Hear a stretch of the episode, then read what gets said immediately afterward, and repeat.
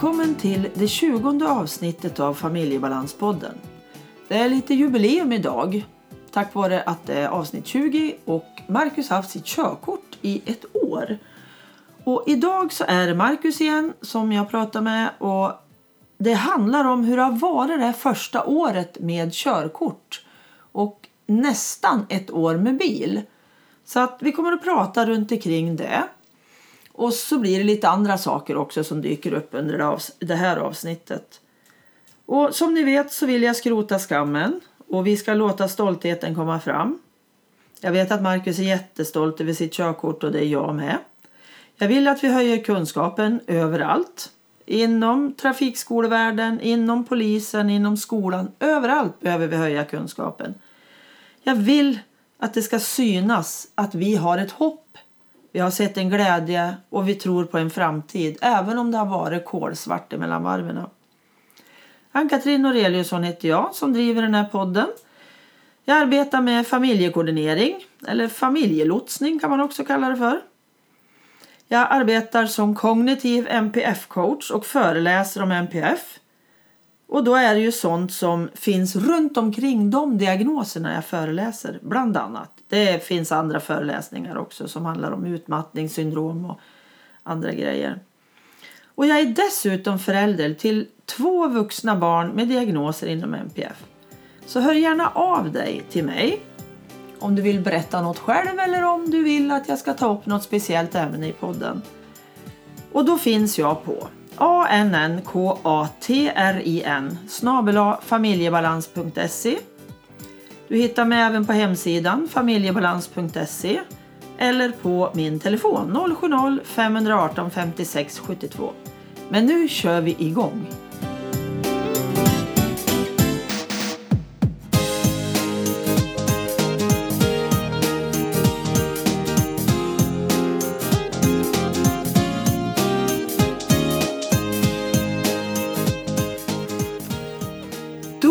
Kör vi ett nytt avsnitt igen. Välkommen Marcus! Tack så mycket. Idag är det du igen Marcus. Det är ett tag sedan vi poddade tillsammans du och jag. Mm. För du har inte haft någon lust på ett tag och då mm. är det bara att vara en snäll och trevlig mamma och vänta på att eh, vi ska komma igång igen. Och nu är det ju ett år sedan du tog ditt körkort. Ja, ett år och tre dagar kanske, två. Mm. Och eh, den här gången så tycker jag att vi pratar lite om hur har det varit den här tiden från eh, 27 oktober i fjol till i år. Mm. Vad har körkortet gett dig och vad har det hänt för någonting på det här året? Kan du berätta lite? Ja, jag säger väl som nästan alla som har tagit körkort att det är en underbar frihetskänsla. Jag tror aldrig, varit, jag tror aldrig att jag varit utanför mitt eh, bo eller vad man ska säga så här mycket som jag har på det här året. Jag har nog i princip åkt ja, minst ett par tre mil en gång varje dag. Mm. Så det har blivit ganska mycket åkandes. Och... Hur många mil har det blivit då? Ja, jag tror det ligger runt 3300 kanske. Okej. Okay. Och vart har du åkt någonstans då? Ja... Runt i Hälsingland. Lite här och lite där. Och... Mm. Men, men den här... du var ju 26. 25 var du när du tog körkort va? Blir det? Ja. Det var strax innan du fyllde 26. Mm. Och du började ju första gången att övningsköra när du var 16 när man liksom fick första gången. Mm. Men du la ner det då. Mm. Men eh, sen kände du för ett och ett halvt år sedan då ungefär att det var dags. Det måste vara två år sedan nästan. Är det? Ja, ja eller mer än ett och ett halvt i alla fall. Ett och ett halvt, två. Mm. Men vad var det som gjorde då, då att du bestämde dig trots allt? Jag hade väl mogna, tror jag, för och kände väl att i och med det jag har jobbat nu i fem års, fyra års tid var det väl då, då Eh, att eh, till och från jobbet så åkte jag ju med transport som kommunen tillhandahåller. De hämtar upp i porten och släpper av på jobbet och, och tvärtom. Och jag kände väl till slut att det vart lite väl träligt att åka så att eh, det strulade väldigt mycket och vissa dagar var det bara helt eh, ja, väldigt struligt många gånger med tiderna och rutterna och allt det var bara krångel. Så då kände jag att nej, jag vill liksom ja, kunna åka själv och känna mig mer självständig så. Så på den linjen var det väl. Mm. Men tro, alltså nu när du tittar då ett år tillbaka från det här, ja, det här året nu då, som du har kört. Mm. Hade du trott att det skulle bli så här fritt och skönt som det blev? Hade du någon tanke, någon bild hur det, vad det skulle ge att ha körkort? Nej, alltså det jag trodde innan det var att jag skulle vara en sån som bara körde A till B. Men alltså, jag trodde aldrig jag skulle ha sånt här intresse av eh, liksom inte intresse av bilar i sig, men alltså ja, lite smått lagom intresserad av bilar och framförallt tycker att det var så kul att köra. Mm. Och ja, jag trodde aldrig det skulle bli så mycket nöjesåkning som det trots allt har blivit. Alltså, trodde du då att du skulle våga så här mycket som du trots allt har vågat? Nej, det tror jag nog inte att jag trodde. Nej, för du var ju verkligen en hemmamänniska som inte ville här, utsätta dig för obekväma situationer där du inte visste vart du skulle komma. Mm, Du ville ju verkligen ha facit innan du gjorde någonting. mm, Men det känns som att den här... äh, Nu när du har gått utanför och fått träna utanför din komfortzon mm, så har det ju verkligen gett till att du har vågat ännu mer i, även i andra situationer. mm. Det är ju många, många saker som har förändrats under det här året. Och sen så sa du i morse så pratade vi om det här. äh, Du berättade att du har fått en omvärldsspaning på ett helt annat sätt genom att ha utnyttjat bilresorna till att lyssna på radio. Ja, varje morgon så har jag på P4 lokalradion och då pratas det mycket. Och för innan hade jag knappt någon aning alls om vad som hände i omvärlden. Men nu snappar jag upp en hel del där och hör. Och... Mm. Både lokalt och, och mycket större internationellt. Och Mm. alla bitarna liksom har ju blivit en positiv del för dig. Och just nu så lite lustigt kanske låter det, då övningskör du ju igen. Mm. Men varför gör du det? Jo, för då när jag tog körkort så hade jag beslutat att jag bara skulle ta för eh, att köra med automat växellåda. För att eh, det kändes så krångligt att hålla på och växla och så...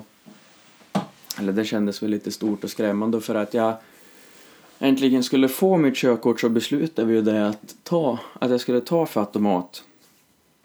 Så jag liksom kunde få det i alla fall. Och då kollade vi upp huruvida man kunde komplettera med manuell sen. Och det är ju tydligen bara att göra en lättare uppkörning.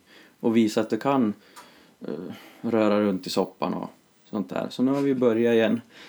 Och eh, övningskör lite med manuell och det går ju över förväntan skulle jag väl vilja säga. Mm. Tycker jag i alla fall. Och för nu har jag ju trots allt 3000 mil på nacken. Ja. Så jag har ju liksom trafiken har jag inget problem med. Jag känner mig verkligen som hemma där i bilen och åka runt och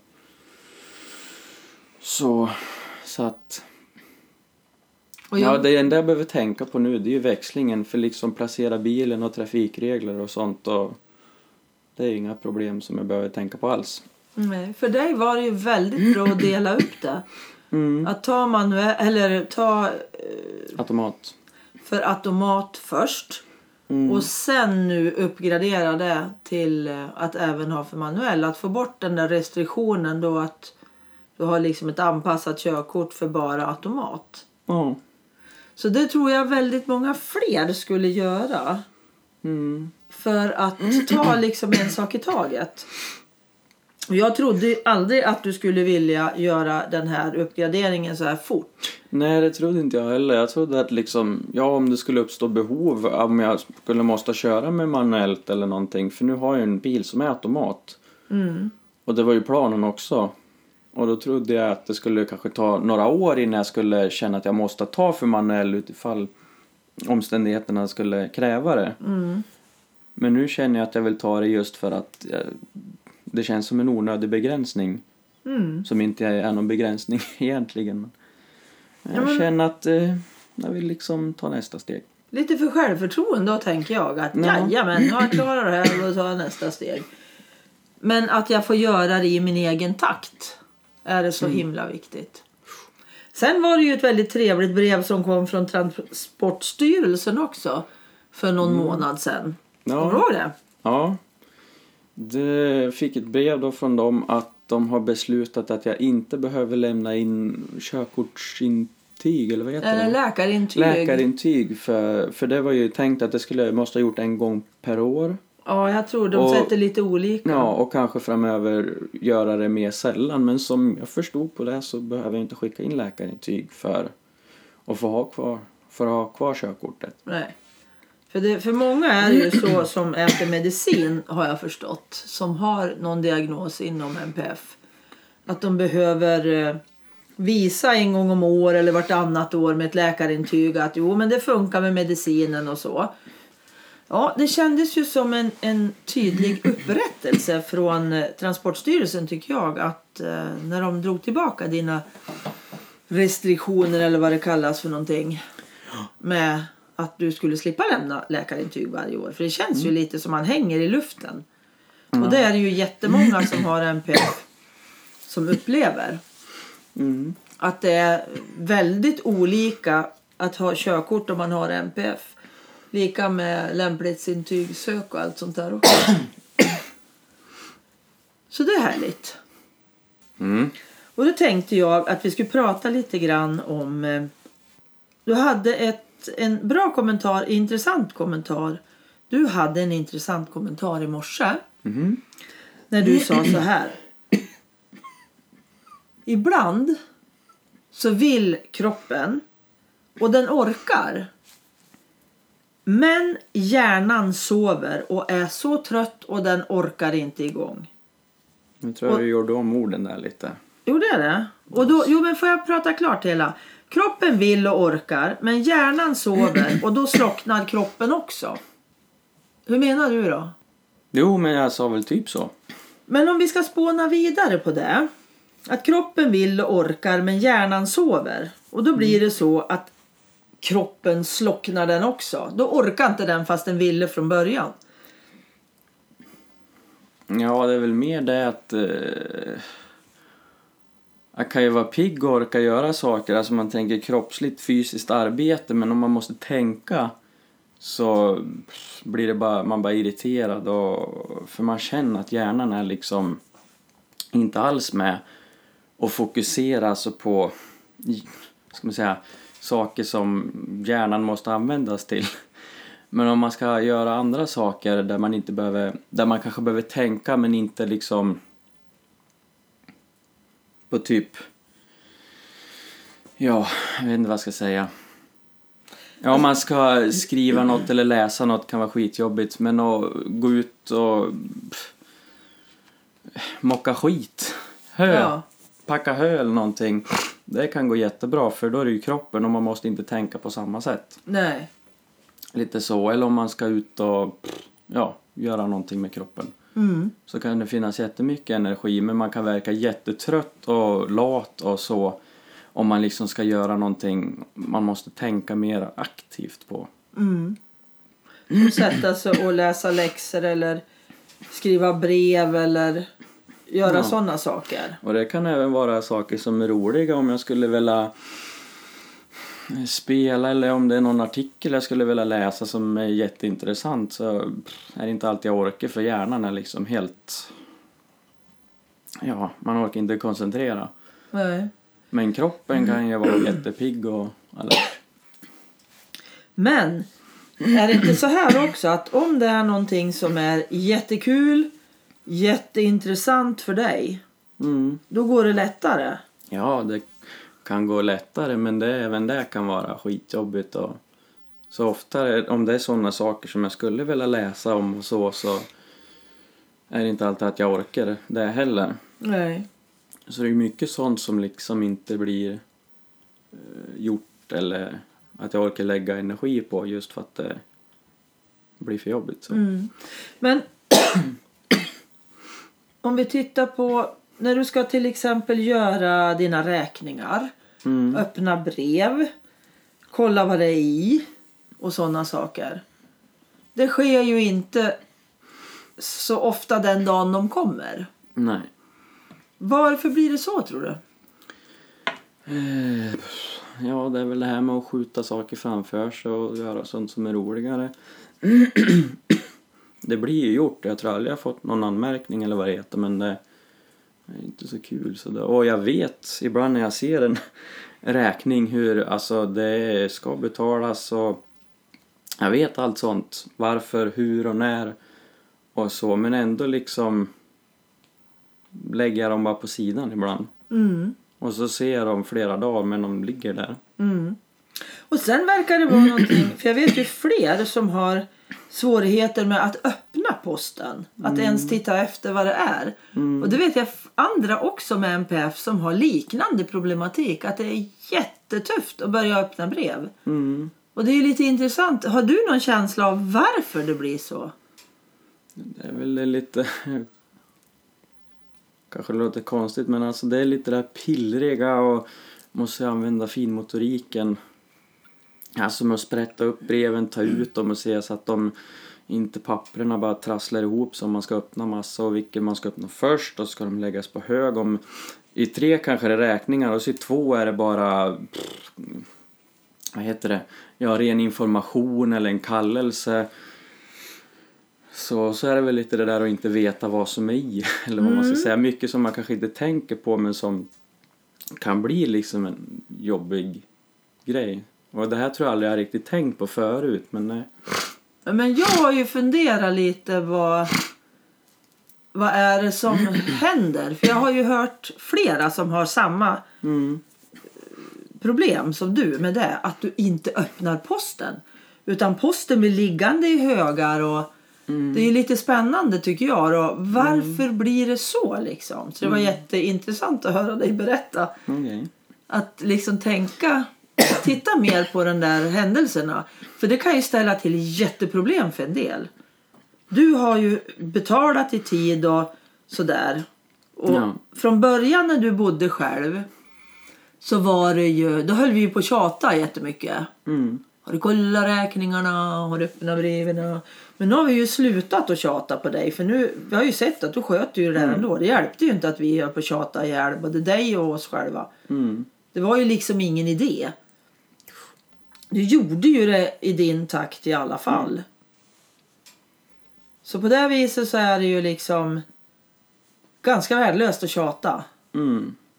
När det ändå inte händer något och så till slut är man osams och det är ganska meningslöst. Och det är ju liksom inte det att jag skiter i det för att det är, jag tycker det är meningslöst eller så utan jag vet ju liksom att det är viktigt, det ska göras, jag vill göra det. Men det är just det där att göra det. Så. Att komma över den där tröskeln på något vis. Mm. Att komma till att städa, Mm. diska, plocka ihop tvätten och de sakerna. Och jag vet, som det du sa med tvätt och disk och sånt. Jag vet liksom hur skönt det är när allting är undan och det är rent och snyggt. Det ligger inget tvätt som ska vikas och sånt och dräller eller är disk kvar. Jag vet hur skönt det är och hur mycket lättare det blir när det görs på en gång och när det är gjort. Men ändå är det ju liksom ett hinder innan jag gör det. Fast jag vet att det blir mycket trevligare om jag gör det på en gång. Mm. Som ibland kan det vara att när jag har blivit diskberg på diskbänken och så måste jag först plocka ur diskmaskinen för det har jag inte gjort. Och då vet jag ju, eller som nästa gång när diskmaskinen har blivit klar och allting klart så vet jag precis hur jobbigt det kommer bli om jag inte plockar ur den. Men ändå så är det inte alltid att eh, jag plockar ur den fast jag vet hur jobbigt det kommer bli när det blir ett nytt diskberg för att den inte är urplockad. Eller när man har, ligger på, i fåtöljen ligger det två högar med tumlad tvätt som bara ska vikas. Och du tycker inte om att se det där? Nej, och det blir liksom sånt som drar energi varje gång man ser det men ändå är det så förbaskat svårt att få det gjort varje gång. Men ibland när du och jag pratar i telefon och så säger vi fasiken jag skulle ha behövt gjort det. Så brukar jag säga det, men gör det då. Och ibland så säger du, ja så fort vi har lagt på så ska jag göra det. Brukar du göra det då? När du har lovat någon att du ska göra det? Ja, det kan väl underlätta ibland men fast jag vet inte när vi gjorde det sist. Nej, nu är det länge sedan. För nu har du ju skött sånt där väldigt, väldigt mycket bättre än vad det var för ett par år sedan. Jo men ofta hjälper det, för det vet jag har jag gjort ibland några gånger med boendestöd som jag har en gång i veckan nu. Att då kanske om vi har städat men det är någonting som inte blir gjort, till exempel vika tvätten. Så kanske vi kommer över, eller kommer överens att om eh, tre timmar så ska boendestöden smsa och se, fråga om jag har gjort det. Och då får jag svara då om jag har gjort det eller inte och då blir det ju oftast lättare att göra det för då blir det lite som en vad ska man säga, samvetesgrej. Eller någonting. Ja, eller att man har kommit överens och det är någon som checkar upp senare. Så brukar det underlätta. Jag brukar kalla det där för att man behöver lite motivation. Normalt så behöver man ju motivation. Att någon ska motivera en att göra saker. Men ibland så räcker ju inte det. Och då behöver man motivation. Att jag måste koppla tillbaka till den där personen. Mm. Som där jag säger då, nu har jag gjort det. Mm. Att man, man har någon människa som man ska koppla tillbaks till. Det är ju faktiskt jättebra. Jag trodde att motivation var någon form av att hota. Ja, men jag har bytt bara det m till ett H. För för mig är det lite så. Vet jag att jag måste berätta. Vi säger, för du kan ju också säga så till mig ibland. Mm. Gör du det när, när vi har lagt på, när det är någon, någonting då i mitt företag eller vad det kan vara för någonting som jag behöver göra. Och så kör du samma medicin liksom tillbaks till mig. Att jag får det av dig. Och då är det mycket, mycket lättare. För när jag berättar för dig sen. Ja men nu har jag gjort det där som var jättejobbigt och jag ville inte och jag hade ingen lust och så. Så är det så mycket enklare när jag får berätta det för någon att jag har gjort det. Mm. Ja men då hänger, då är ju liksom inte bara ens, eller ens eget ansvar är det väl, men det är liksom inte bara för ens egen, alltså bara en själv som håller koll på det. Nej, Utan att man har någon liksom och, ett, en, en liten hook. Ja. Någon som bara krokar upp en. Det Ja. kanske det är hookivation kanske man ska kalla det för istället för hotivation. Hookivation, det var bra. Nu byter vi. Ja men det är väldigt, väldigt bra ibland att få rapportera tillbaks till någon. mm, Mig funkar det väldigt bra på. mm. Att ha en, någon som har lite öga på mig och Ja, jag behöver väldigt ofta en spark i arslet så jag får saker gjorda. ja, en snäll spark. Ja. ja. Man ska inte sparkas vet du. Nej, precis. Men eh, är det något mer vi vill säga? ja jag vet inte, om du har någonting. Vi tar och avrundar där för jag hör att eh, du har det lite jobbigt nu för du tickar rätt mycket. Ja, det har varit lite mycket sista tiden. Ja. Och du har lite hosttics och utandningstics och sådär. Så Mm. att eh, vi kör en kortare sväng idag och så återkommer vi en annan dag och pratar vidare. Ja, Ha det så bra Marcus och hej då! tack detsamma. Hej då allihopa! Hej då!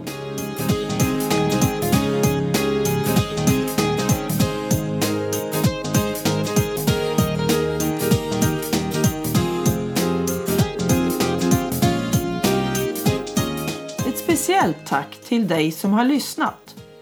Och tack till Pelle Zetterberg för musiken, Pernilla Wahlman som fotade, Marcus som fixar poddloggan och till Anders för att du redigerar mitt prat. Hoppas vi hörs igen. Hej då!